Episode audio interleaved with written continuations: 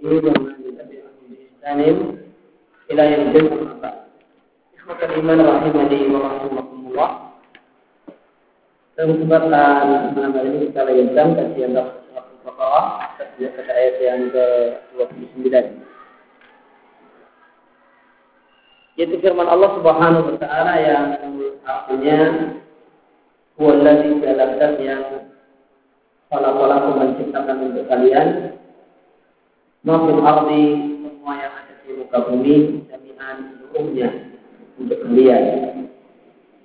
Tumastawa ila Kemudian dia menuju Asama langit Fatawahun dalam dia sempurnakan Langit tersebut Setelah samawat Menjadi tujuh Lapis langit.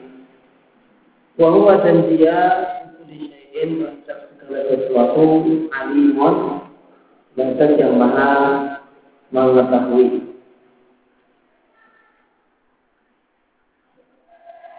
Penjelasannya seperti uh, rahimahullah taala mengatakan Allah menciptakan untuk kalian dan ini adalah bentuk kebaikan Allah kepada kalian dan kasih sayang Allah kepada kalian. Allah ciptakan semua yang ada di bumi supaya kalian untuk kalian, supaya kalian ambil manfaatnya, supaya kalian nikmati. Dan supaya kalian mengambil pelajaran darinya. Maka ayat ini adalah dalil untuk satu kaidah penting dalam hukum Islam yaitu kaidah katanya hukum asal benda itu suci dan mudah dan mubah untuk dikonsumsi. Siapa saja yang mengatakan tidak itu najis, tidak A atau tidak B itu najis, maka dia wajib mendatangkan dalil. Siapa yang mengatakan makanan A atau makanan B itu haram, maka dia berkewajiban mendatangkan dalil. Karena uh, kalimat yang Allah katakan bahasanya dia menciptakan kalian, uh, menciptakan untuk kalian semua apa yang ada di muka bumi untuk, untuk kalian. Di sini konteksnya adalah konteks imtinan menyebut-nyebut nikmat. Sehingga menunjukkan bahasanya hukum asal semua yang ada di muka bumi adalah ubah untuk dikonsumsi dan ubah untuk dipegang alias tidak najis. Kemudian e, namun tidaklah termasuk apa yang Allah halalkan adalah khubai dalam materi-materi yang berbahaya. Maka khubai atau berbagai benda yang berbahaya hukumnya adalah haram yang ini kita ambil dari fakwal kita atau itu juga mafhum atau e, paham kebalikan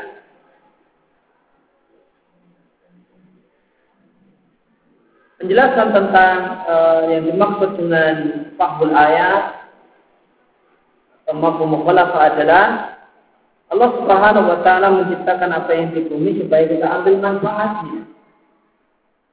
Jika demikian, maka segala yang berbahaya maka dia segala yang tidak bisa memberi manfaat untuk kita malah memberikan bahaya jika kita makan, memberikan bahaya jika kita makan, maka dia bukan termasuk ma kalau kalau kalau mampu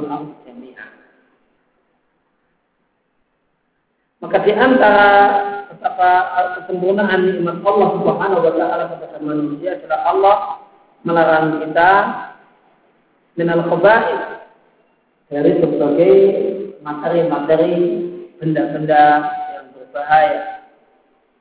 Dan dia adalah dalam rangka membersihkan kita, menjauhkan kita dari benda-benda yang berbahaya. Maka uh, surat Al-Baqarah ayat 29 ini bisa kita katakan ada dua uh, bisa kita bagi menjadi dua pokok bagian. Yang pertama adalah wala jami'an. Dan bagian yang kedua, masalah tidak sama bahwa punya sebuah samawat. Maka berkaitan dengan bagian pertama dari ayat Al-Baqarah ayat 29, maka bagian pertama dari Al-Baqarah ayat 29 membicarakan tentang hukum asal benda yang ada di muka bumi. Hukum asal benda yang ada di muka bumi itu halal dimakan dan boleh dimakan. Ini kaidah penting dalam hukum Islam. Sehingga konsekuensinya apa? Jika siapa saja yang mengatakan benda A, benda C itu haram, berarti berdasarkan dalil. Siapa yang mengatakan benda ini, benda itu nanti, berarti berdasarkan dalil. Kemudian yang kedua, konsekuensi yang kedua, jika kita ragu-ragu ini nasib tidak. Maka jawabannya tidak najis sampai kita tahu secara pasti kalau itu najis maka ketika kita kejatuhan air ketetesan air dari atas kecepatan air maka ketika kita ragu-ragu ini najis jangan-jangan ini najis Jangan-jangan yang tetes itu najis. Namun cuma ragu-ragu. Kita nggak tahu pastinya najis atau tidak, maka kesimpulannya tidak najis. Kata yang mengatakan air yang menetes pada pada badan saya dari atas itu adalah najis, ya wajib mendatangkan bukti data dan fakta kalau dia mengandung najis. Ini uh, uh, konsekuensi dari kaidah penting ini. Konsekuensi dari kaidah penting ini yaitu kaidah hukum asal benda yang ada di muka bumi yang manfaat benda yang bisa ambil manfaatnya hukum asal benda di muka bumi adalah suci dan halal dimakan. Maka konsekuensinya jadi dua konsekuensi yang tadi kita sebutkan. Pertama, siapa yang mengharam-haramkan dan pernah dilanjutkan, tentu kita terjadi. Eh, siapa yang tidak bisa mendapatkan dalil, maka berarti Orang bilang saya tidak masjid,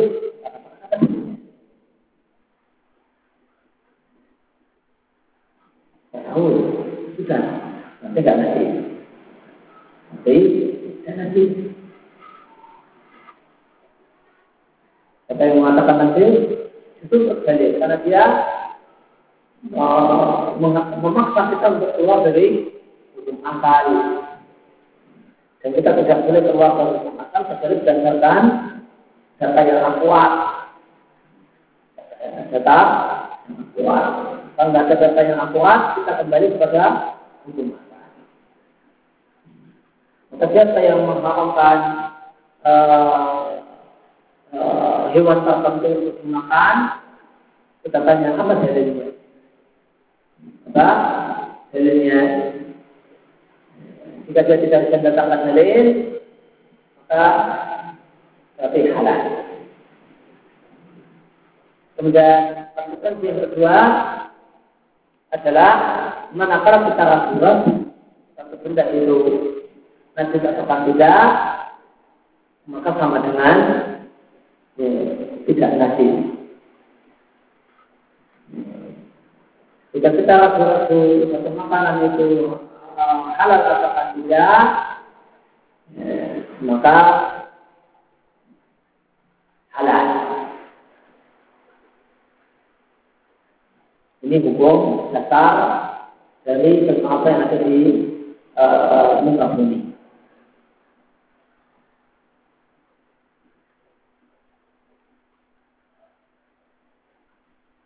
Uh, meskipun hukum asal ini bisa menjadi uh, berubah di tempat tertentu dan dalam kondisi tertentu. Ketika kita tinggal di atau berada negara musyrik, negara kafir, namun kafir yang bukan kafir kita di Jepang, Thailand, di Cina, maka kita katakan hukum asal makanan adalah jelas haram. Sampai kita punya bukti kalau itu dimasak dengan benar tidak halal. Disembelih dengan benar dan, dan atau dimasak dengan benar sudah halal. Karena ini negara masyarakat yang mayoritasnya adalah muslim yang tidak tahu aturan Islam. Tahu aturan Islam. Maka boleh jadi mereka tahunya orang-orang itu nggak makan babi, namun kalau goreng tempe pakai minyak babi, nggak mengapa. Atau nggak makan babi. Jika anggapan sebagai orang-orang orang kafir, orang-orang Islam. Ya, semua orang Islam juga makan nasi. Kalau tempe nama ayam dikurangi pakai minyak babi, ya tidak apa-apa. Jadi yang tidak benar. Maka uh, untuk makan makanan di negara kita kita berada di negara di Thailand, China, Jepang, yang adalah haram dan kita tahu pasti masaknya benar, cara membelinya benar.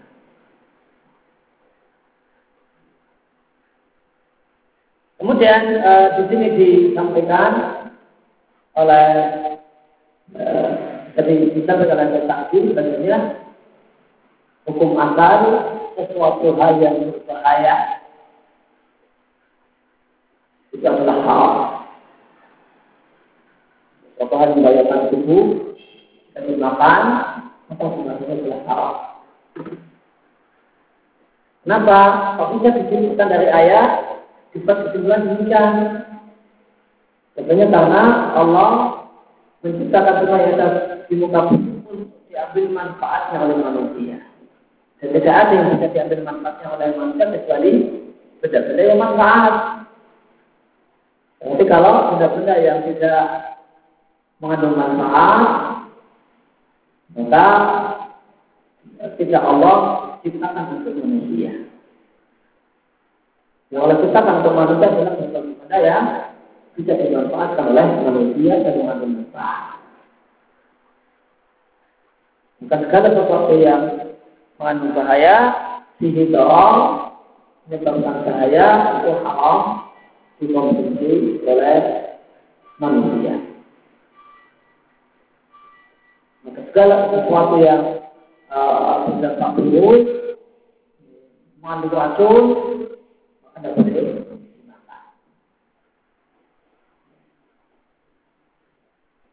Nah inilah hukum asal benda, hukum asal uh, benda yang ada di muka bumi. Yang ini berkebalikan dengan hukum asal ibadah. Hukum asal ibadah itu terlarang sampai ada eh, data akurat yang menunjukkan kalau dia diturunkan. Ketika setelah mengetahui kaidah ini, hukum asal ibadah adalah salah secara jenis akurat yang menunjukkan kalau dia diturunkan, maka konsekuensi ada dua sama. Yang pertama, siapa yang mengatakan ini ditunjukkan, ini baik, ini dianjurkan, dia berpahala wajib dia mendatangkan dalil. Jika dia tidak bisa mendatangkan dalil, maka kita kembalikan hukum akal larangan.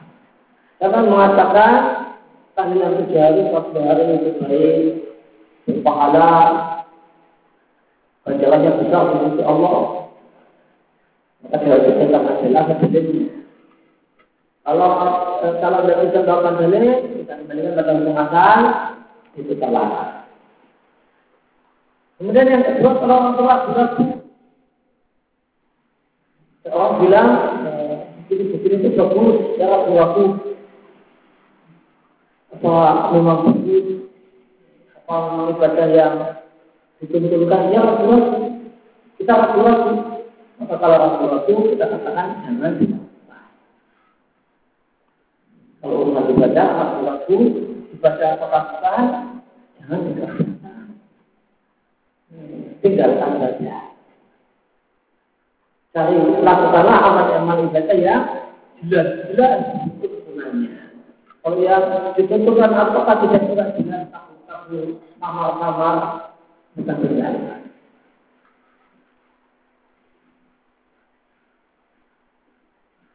Maka kaidah yang ada dalam ayat ini yaitu bahwa hukum asal benda itu adalah halal dan boleh dimakan dan tidak najis itu satu hal yang penting untuk menghilangkan penyakit was-was. Jadi orang kena penyakit was-was, masalah air, masalah nasi, orang terkena penyakit was-was. Apa obatnya? Kembalikan pada kaidah. Kalau belum ada data akurat ini nanti, berarti suci dan tidak. Jadi, tidak jangan was-was kembalikan kepada kaidah, kemudian juga dablek. Maka obat penyakit was-was adalah pertama kembalikan kepada kaidah. Kalau tidak ada data akurat, tidak adalah najis, maka suci. Obat yang kedua adalah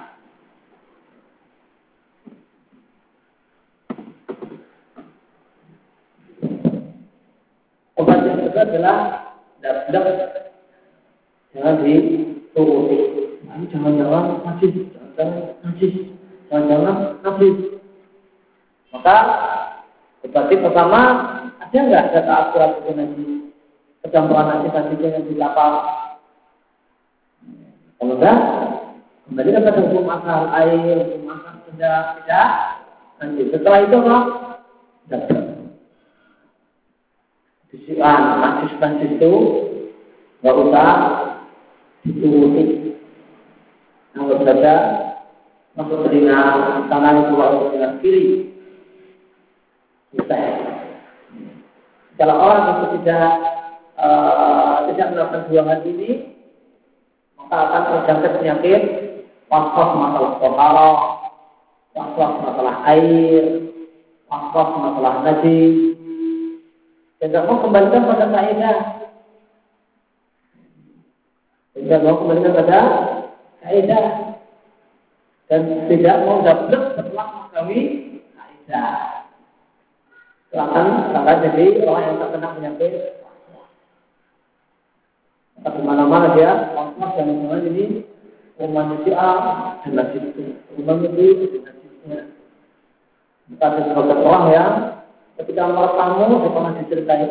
Saya pernah diceritain saya punya teman. Kalau tamu dia tidak mau disuruh copot sandal.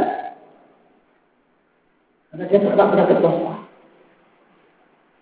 gara-gara dia pernah penyakit waswas mau tamu di tempat apa pun copot sandal mau cepat sepatu nggak mau kalau boleh mau tamu saya pakai Fatwa pakai sadar kita kalau nggak boleh sudah pulang.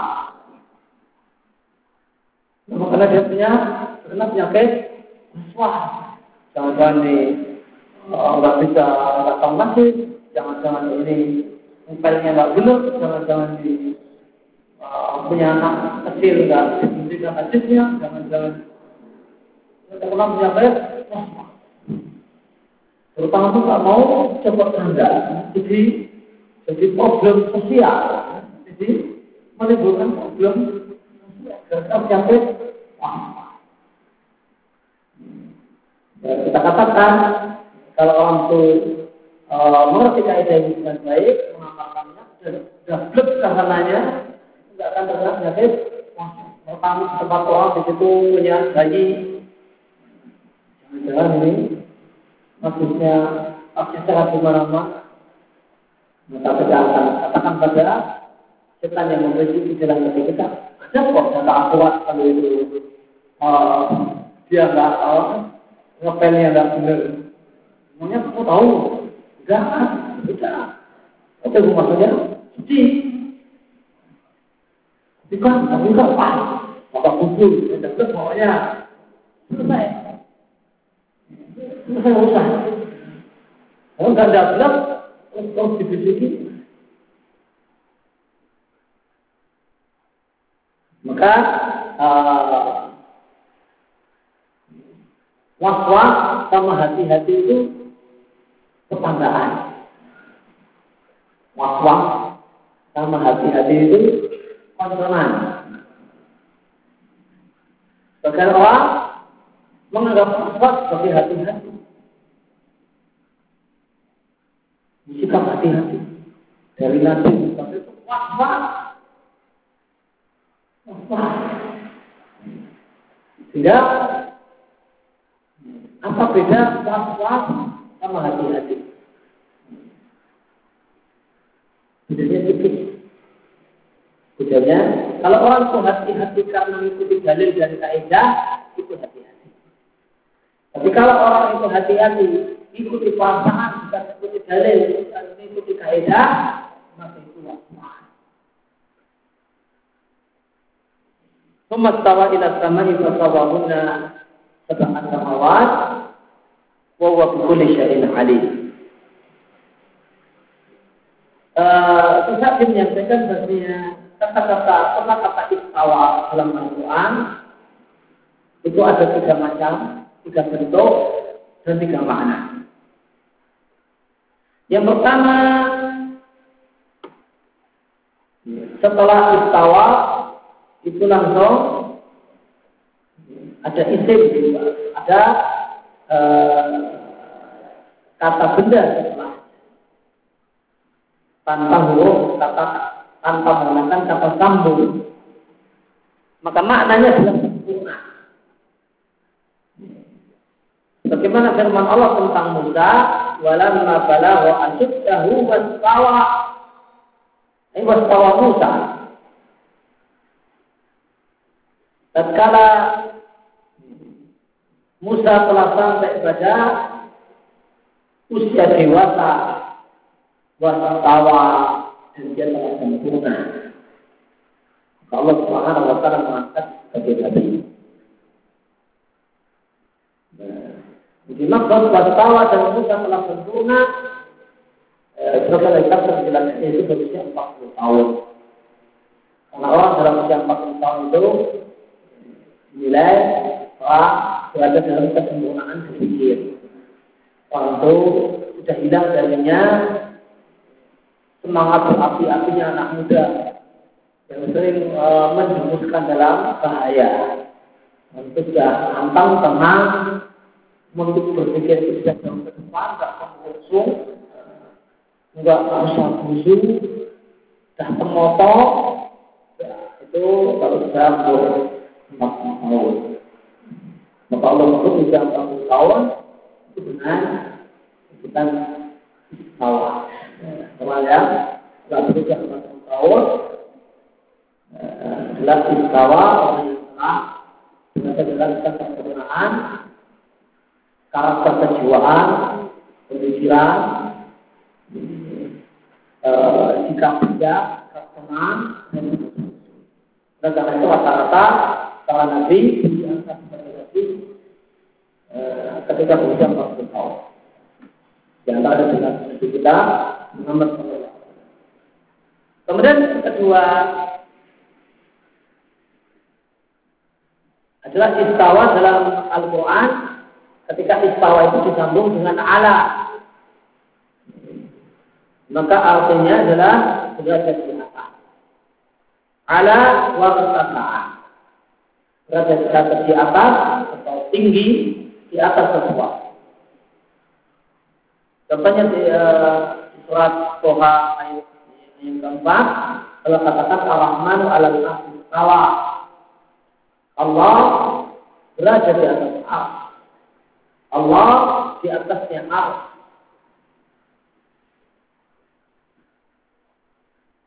Bagaimana ada ayat yang yang ayat yang lain litas tahu ala duhurihi supaya kalian bisa berada di atas punggung hewan tunggangan kalian. Kemudian yang ketiga, kata-kata istawa disambung dengan ilah. Ketika istawa disambung dengan ilah, maka maknanya adalah kokoda. Mana, maka maknanya adalah bermaksud dengan sengaja, bermaksud atau bersengaja. Contohnya adalah di ayat ini, surat Al-Baqarah ayat yang ke-29. Rukmat tawa ila samai. Maka Allah bermaksud kepada langit. Allah menuju langit. Oke, di surat Al-Baqarah 29 maka maknanya e, adalah tatkala Allah telah menciptakan bumi, Allah bermaksud untuk menciptakan langit, maka Allah menciptakan langit tujuh lapis langit. Maka Allah ciptakan langit dan Allah ciptakan dengan penuh penelitian. Allah ciptakan dengan penuh penelitian tanpa cacat dan dia adalah yang maha kuasa atas segala dan dia adalah yang maha mengetahui segala sesuatu. Dia mengetahui apa yang masuk ke dalam bumi, apa yang keluar dari bumi, apa yang turun dari langit dan apa yang naik ke, ke langit. Dia mengetahui apa yang kadang disembunyikan dan apa yang kalian uh, lakukan dengan terang-terangan. Dia mengetahui segala yang sama, uh, wa apa dan yang tidak jelas.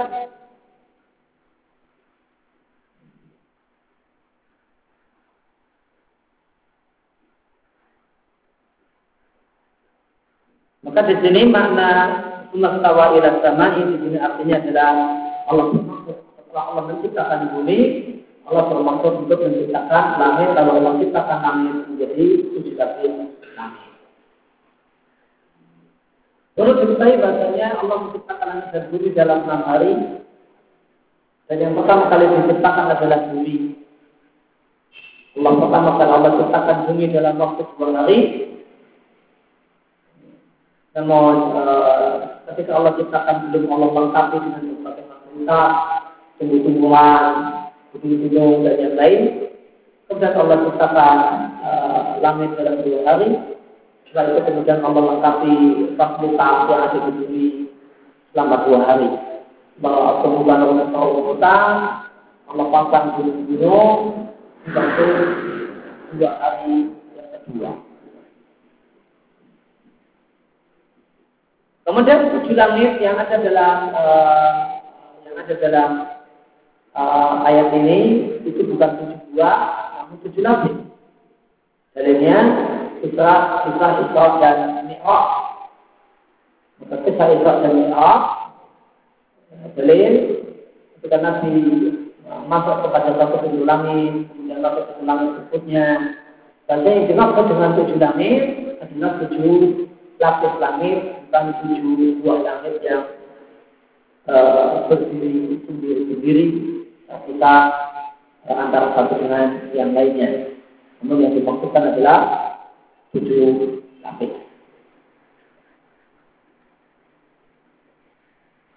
Kemudian dia mengatakan sering kali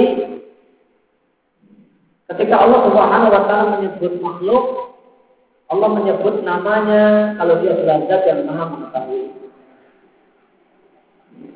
Seringkali kalau ayat itu ditutup dengan kata-kata alim, itu ayatnya cerita tentang makhluk. Ayatnya cerita Allah cerita di satu ayat tentang makhluk. Setelah itu Allah tutup ayat dengan dengan menyebut namanya Al Alim dan yang maha mengetahui.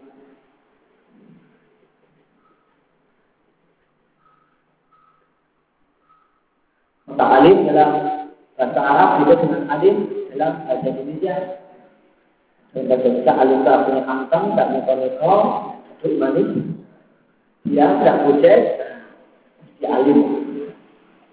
Alim dalam bahasa Arab artinya mengetahui. Nah Allah sering kali kata tadi, Allah sering kali menyebut namanya Al-Alim di akhir satu ayat dan sebelumnya Allah bercerita dan membicarakan tentang makhluknya. Kedua dalam ayat ini, surah uh, ayat ayat 29 surat Al-Baqarah, Allah menciptakan Allah mengatakan kalau Allah menciptakan langit, maka Allah menciptakan samawat, dan Allah betul syai'in alim. Dan Allah adalah yang mengetahui segala sesuatu. Demikian juga di surat Tabarok, surat Al-Mulk, al-ayat lam man khalaq huwa latiful khabir. Tidakkah dia mengetahui siapa yang menciptakan dan dia Allah adalah yang maha mengetahui.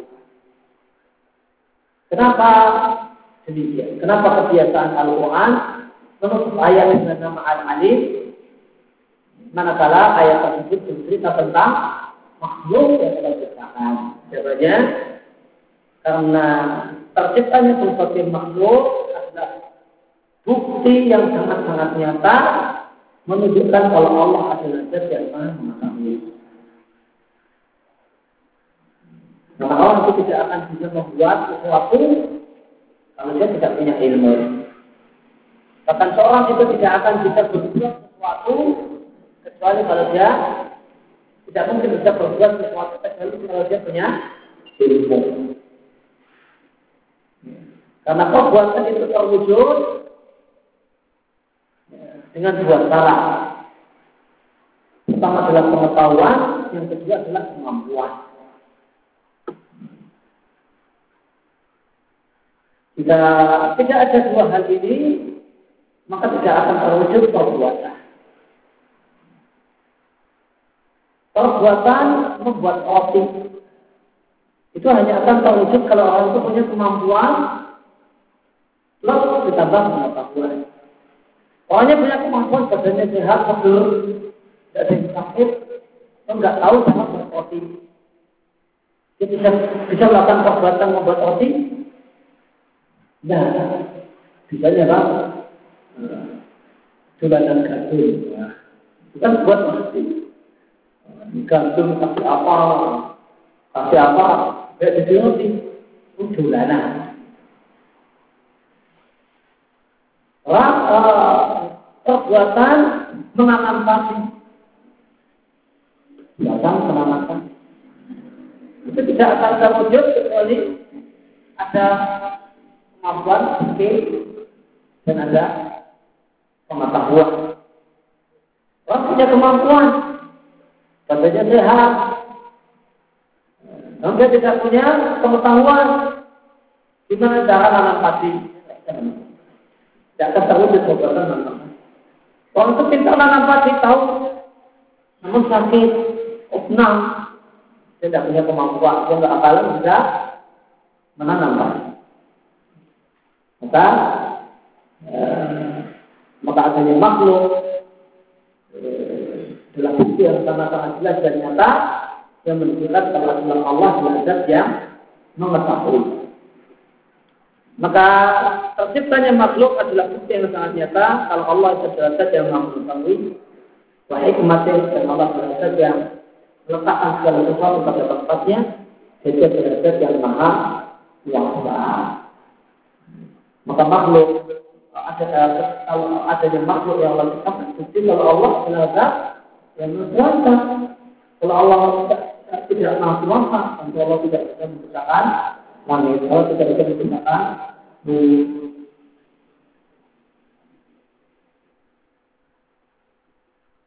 Maka jika seorang itu menyadari kalau Allah adalah zat yang mengetahui, maka jika seorang itu beriman kalau Allah adalah zat yang mengetahui, maka dia tidak akan berani berbuat maksiat. Kapan orang berbuat maksiat? Ketika kadar dan kualitas iman yang kalau Allah adalah al-alim itu berkurang mendekati titik nol. Ya. Itu bahwa orang itu benar gagalnya dan beraninya dia melakukan maksiat. Kalau orang itu jiwanya dikotor oleh iman, berarti Allah adalah yang mengetahui, maka dia tidak akan berani-berani coba-coba berbuat maksiat. Maka Allah katakan di surat An-Nisa bahwasanya semua orang yang berbuat maksiat itu jahil. Semua orang yang berbuat maksiat itu bodoh. Bodoh apa? Bodoh tentang apa? Bukan bodoh tentang keharamannya. Bodoh kalau Allah sudah saja mengetahui dirinya. Dan apa perbuatannya. Dan apa yang dia lakukan. Kalau orang itu paham, sedang, betul-betul mengerti dan menyadari kalau Allah saja mengetahui apa saja dia lakukan, mencatatnya kemudian akan uh, membalasnya, maka Allah akan sama tidak akan berani uh, melakukan kemaksiatan. Maka saat orang itu berbuat maksiat adalah manakala kadar imannya kalau Allah adalah al-alim itu berkuat. Itu baru orang berbuat maksiat. Maka Allah Subhanahu wa taala untuk ayat yang Allah syai'in alim mengajak kita untuk mengimani dan meyakini kalau Allah adalah yang mengetahui segala sesuatu dan tidak akan nyata setelah kita beriman kalau Allah mengetahui segala sesuatu maka kita menjadi seorang yang malu ketika setelah Allah perintahkan ternyata kita tidak melakukannya. Malu setelah Allah melarangnya kok kita malah menyalahkan Maka ketika kita semakin menyadari kalau Allah adalah yang mengetahui, dan ini meletak ke dalam hati, maka semakin meletak keimanan pada kepadanya Allah adalah yang mengetahui, maka kita akan semakin takut berbuat maksiat dan semangat untuk taat. Dan lebih, saya akan tentang apa ayat 9 dan ala alihi wasallam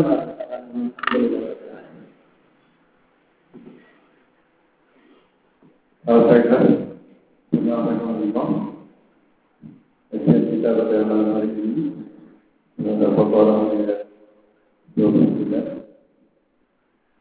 Sudah sudah selesai. Dan Kalau ada yang mau bertanya Silakan bisa Dia langsung Boleh lembar kertas Atau juga SMS 085 sembilan satu tiga enam satu tujuh dua lima.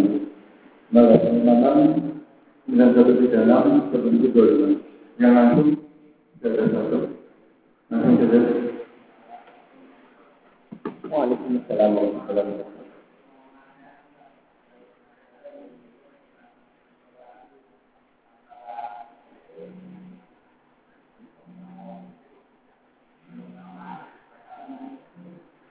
Katakan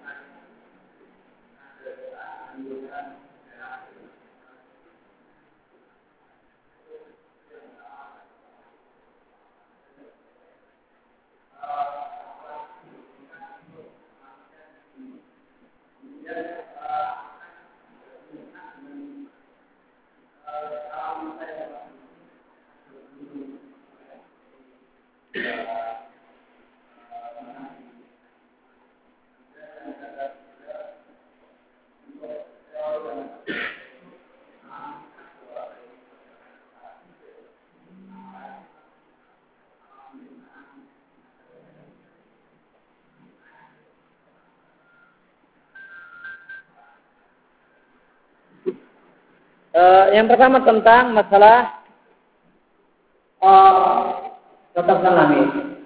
Maka bagaimana yang Allah firmankan di surat Al-Mulk dan di ayat-ayat yang lain, maka katakan walaupun saya bersama dunia masofiha, annaha rusumal syayatin.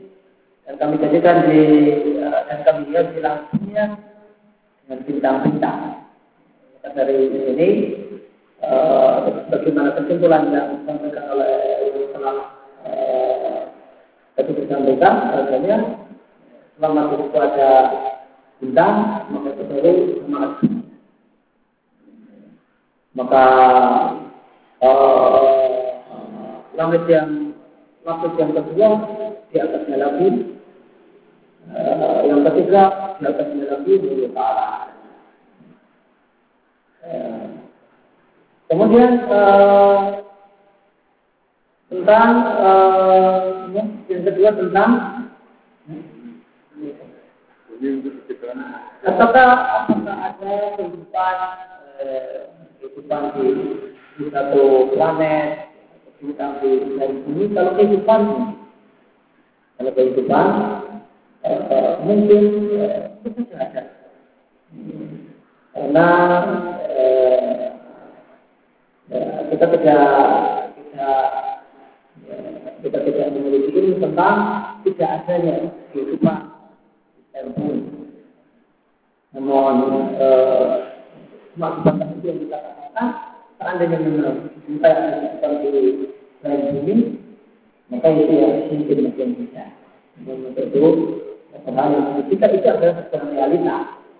Kalau umat bisa dikatakannya, hubungan yang lainnya bisa cuma sekedar katanya, waktu masih memperdebatkannya, ahli, ahli pada bidangnya juga sepakat tentangnya, maka kita tidak uh, ambil keputusan itu semua, ya monggo di kalau memang realita, kita tidak mengingkari realita. Karena penelitian nanti kalau memang itu realita tak percaya. Kalau belum, ya belum, uh, saya tidak percaya juga tidak masalah, karena itu bukan. Kemudian yang ketiga berkaitan dengan uh, uh, berkaitan dengan pengetahuan, maka ada dua hal yang patut dibedakan. Uh, yang pertama adalah teori ilmiah, dan yang kedua adalah realita ilmiah. Kalau teori ilmiah, sesuatu hal yang tidak pasti cuma orang reko-reko, tidak ada hipotesis ini, hipotesis ini, ada realita semacam ini, kemudian digatuk-gatuk kemudian dihubungkan, jadi sebuah teori. Maka itu tadi, bagaimana tubuh, kita tidak perlu pusing dengan itu, karena ributan, karena pelitian, kita tidak akan pusing dengan hal itu. Tapi kalau itu realitas, kita tidak mencari realitas. Maka kebal yang lain itu semua sudah teori. Lalu tatarannya teori ilmiah. Sampai derajat realitas ilmiah. Bahkan uh, bahkan uh, urutan tata surya ternyata baru sampai derajat tataran teori ilmiah. Makanya dulu ada Pluto, Pluto yang hilang berarti itu bukan realita ilmiah, teori ilmiah. Orang bilang ini ada ada ini macam-macam. Terus ditepok di ditepakkan kepada banyak orang. Padahal itu adalah baru belajar belajar tataran, eh, nanti baru teori ilmiah. Dan teori ini bisa dikalah dengan teori yang lain. Ketika ada penemuan-penemuan baru, maka salah teori yang lama. Yang namanya realita ilmiah tidak Uh, tidak demikian ya tidak mungkin dibatalkan karena itu bukan realita ilmiah kalau teori ilmiah ketika dijumpai ada hal yang baru ada fakta baru. Maka itu batallah teori yang lama. Maka teori ilmiah kita bisa ambil kesimpulannya tapi jika itu adalah realita ilmiah maka Quran dan Sunnah tidaklah mengingkari sebuah realita. beberapa pertanyaan ini dari belum Ustaz, apakah paparan kita itu nanti? Dapat benar tidak masuk kalau tidak terbunuh.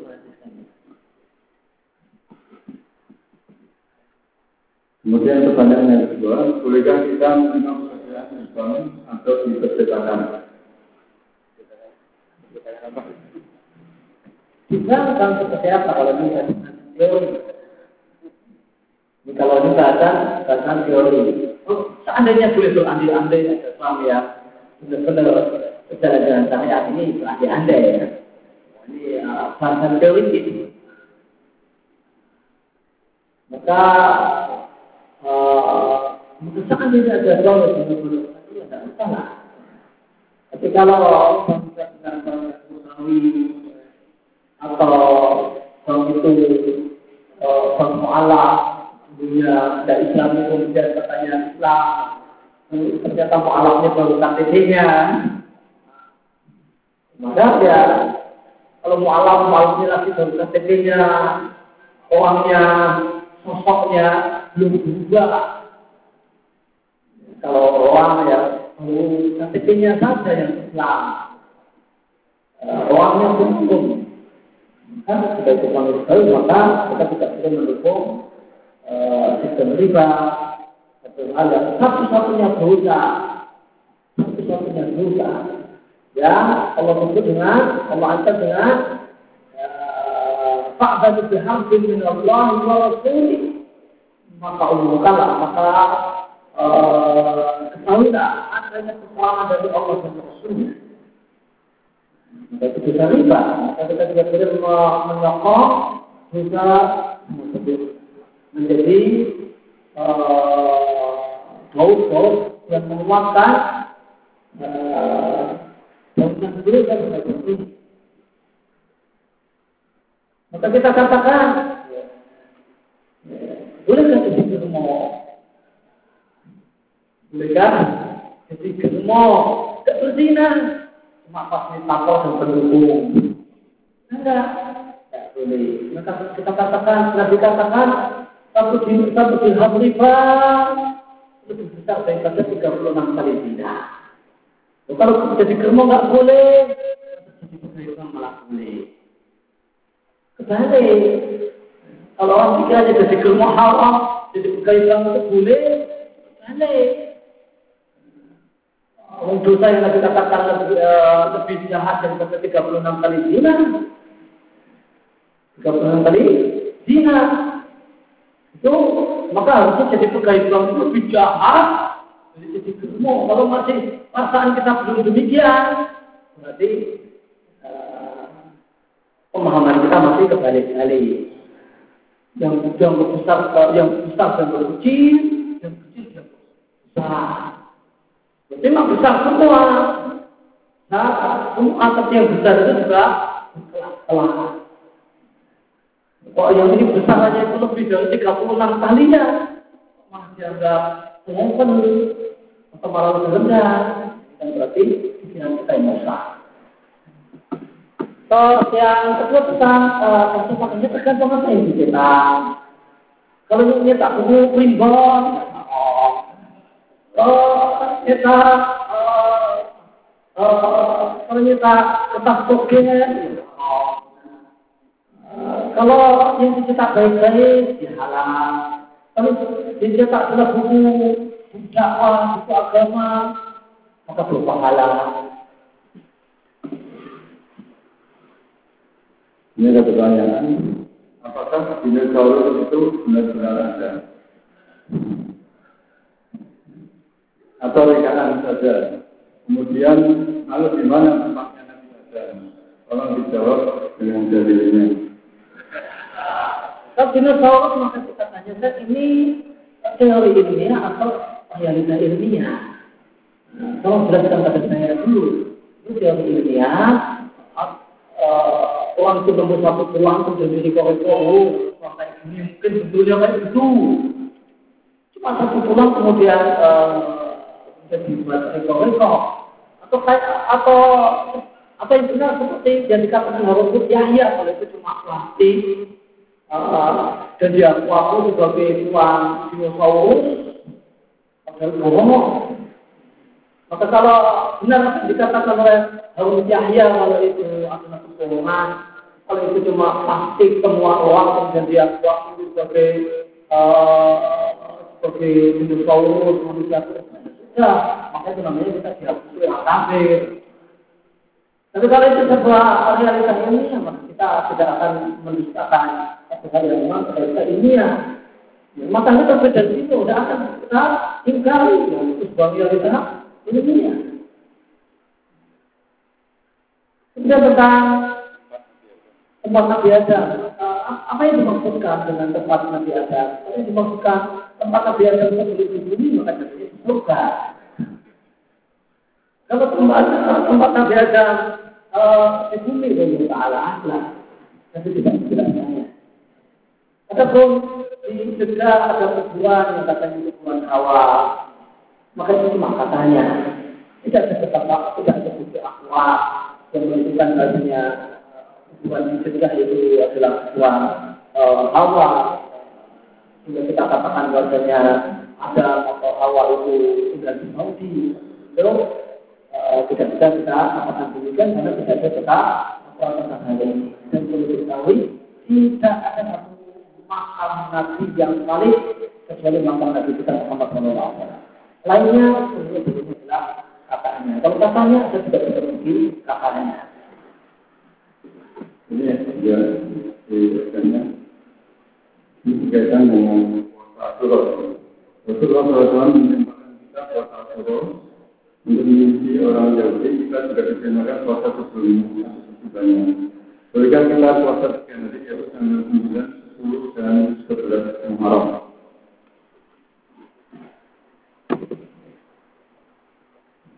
Tentang hadis puasa tanggal 11 Muharram, terdapat hadis yang puasa dan Muhammad disebutkan itu yang baik sehingga kalau pada pada tanggal 13 Muharram dalam rangka Allah yaitu pengajian tidak benar jika orang berpuasa tanggal 13 Muharram dalam rangka puasa Muharram kita juga sudah berpuasa selama memperbanyak puasa selama hari Muharram kalau bisa malah hampir ke bulan maka maka itu kesatuan yang kita masalah itu mengatakan akhir dari puasa Ramadan syahrul Muharram puasa yang paling afdal setelah puasa Ramadan adalah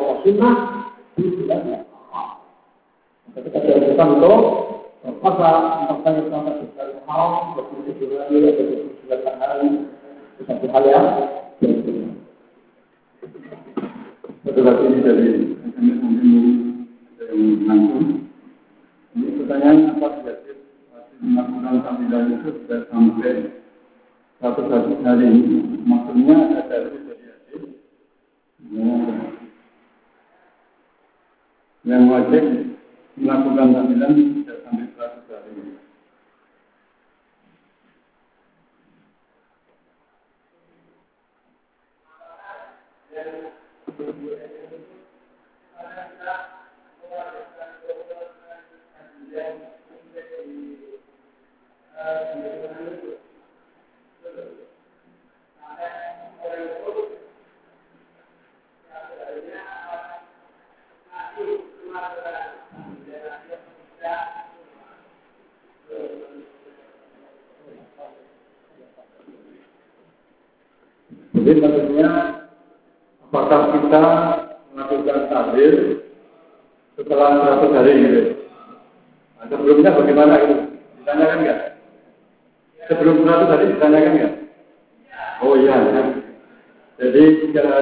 40 hari, 7 hari, 40 hari itu ditanyakan nggak? Oh iya. Jadi kan pertanyaannya cuma setelah 100 hari ya? setelah seratus hari sebelum seratus hari sama-sama tidak wajib, tidak pulang sunnah, tidak pulang mubah. Tidak wajib, tidak sunnah, tidak pulang mubah. Karena yang benar seharusnya. Maka mubah tidak, apalagi sunnah, apalagi wajib. Karena Nabi Shallallahu Alaihi Wasallam tidak pernah menunjukkan dan tidak pernah mengajarkan banyak orang mati juga Nabi dan mereka, dan para sahabat yang paling bersemangat untuk memberikan kebaikan kepada orang yang telah meninggal dunia. Eh, namun, ketika Nabi Shallallahu Alaihi Wasallam eh, bikin acara tiga hari, tujuh hari, satu hari, satu hari, hari, yang ke eh, yang ke satu, yang ke sepuluh, yang ke lima belas, semua tidak pernah uh, beberapa menunjukkannya pada menunjukkan salah satu untuk memberikan kebaikan kepada orang lain. Itu cuma mengadakan perbuatan kan kita diperintahkan untuk doa umum tidak ada waktu tertentu. Meskipun di bagian masyarakat ada macam dua puluh, lima dari, memang kata para ulama ini adalah tradisi lebih kuno yang masih dilanjutkan oleh sebagian orang.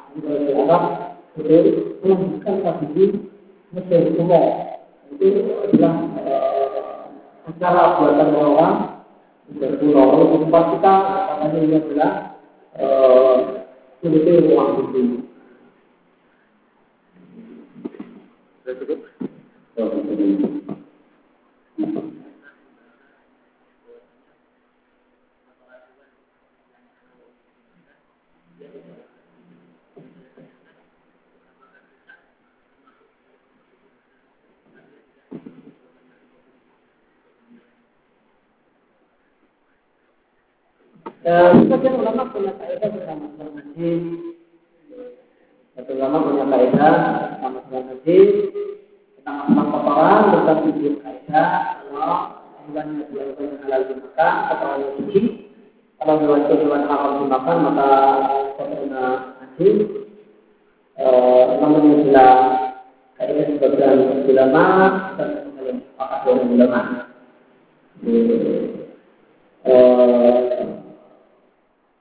Itu yang pertama. Kemudian yang kedua, kita dimungkinkan dalam material yang haram dimakan karena material yang diperintah untuk dibunuh.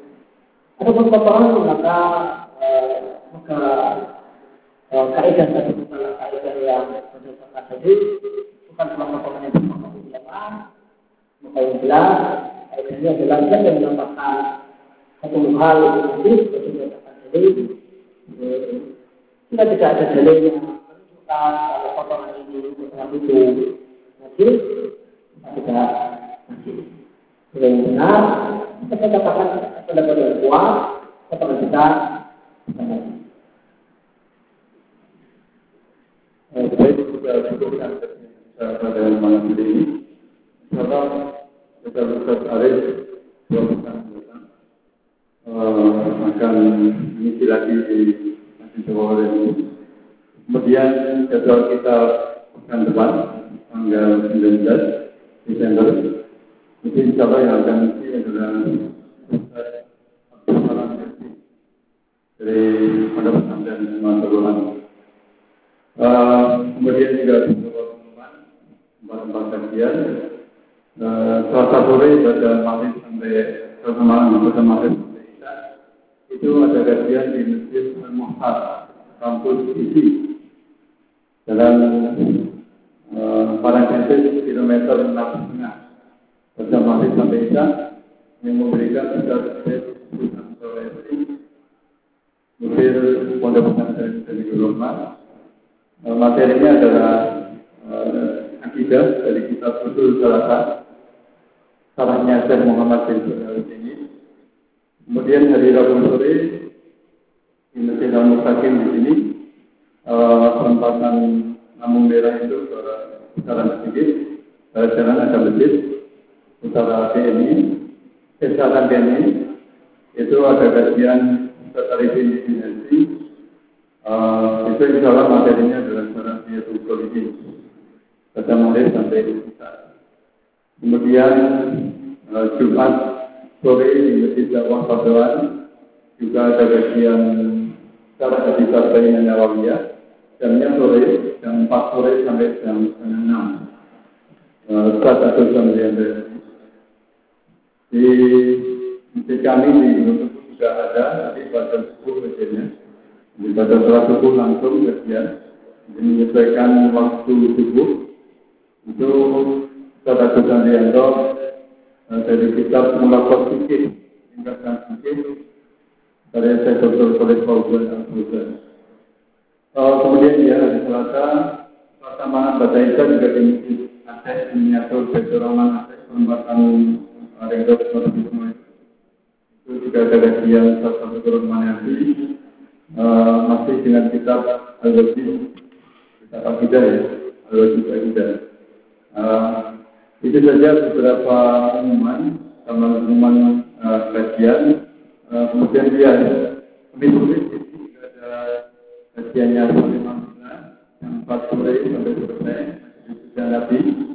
Itu juga setiap kami sore biasanya diakhiri dengan uh, buka puasa tentang Kamis itu ya, misalnya. Tapi tidak selalu juga biasanya memang ada. Demikian silakan nanti mengambil belajar natois dan juga eh, kultur uh, juga uh, minuman teh di peralatan masjid. Tapi tolong nanti dikembalikan lagi ke tempatnya dari eh, tempat tidur dan akhirnya dengan doa kepada Tuhan. Subhanallah wa bihamdika wa la ilaha illa. Assalamualaikum warahmatullahi wabarakatuh.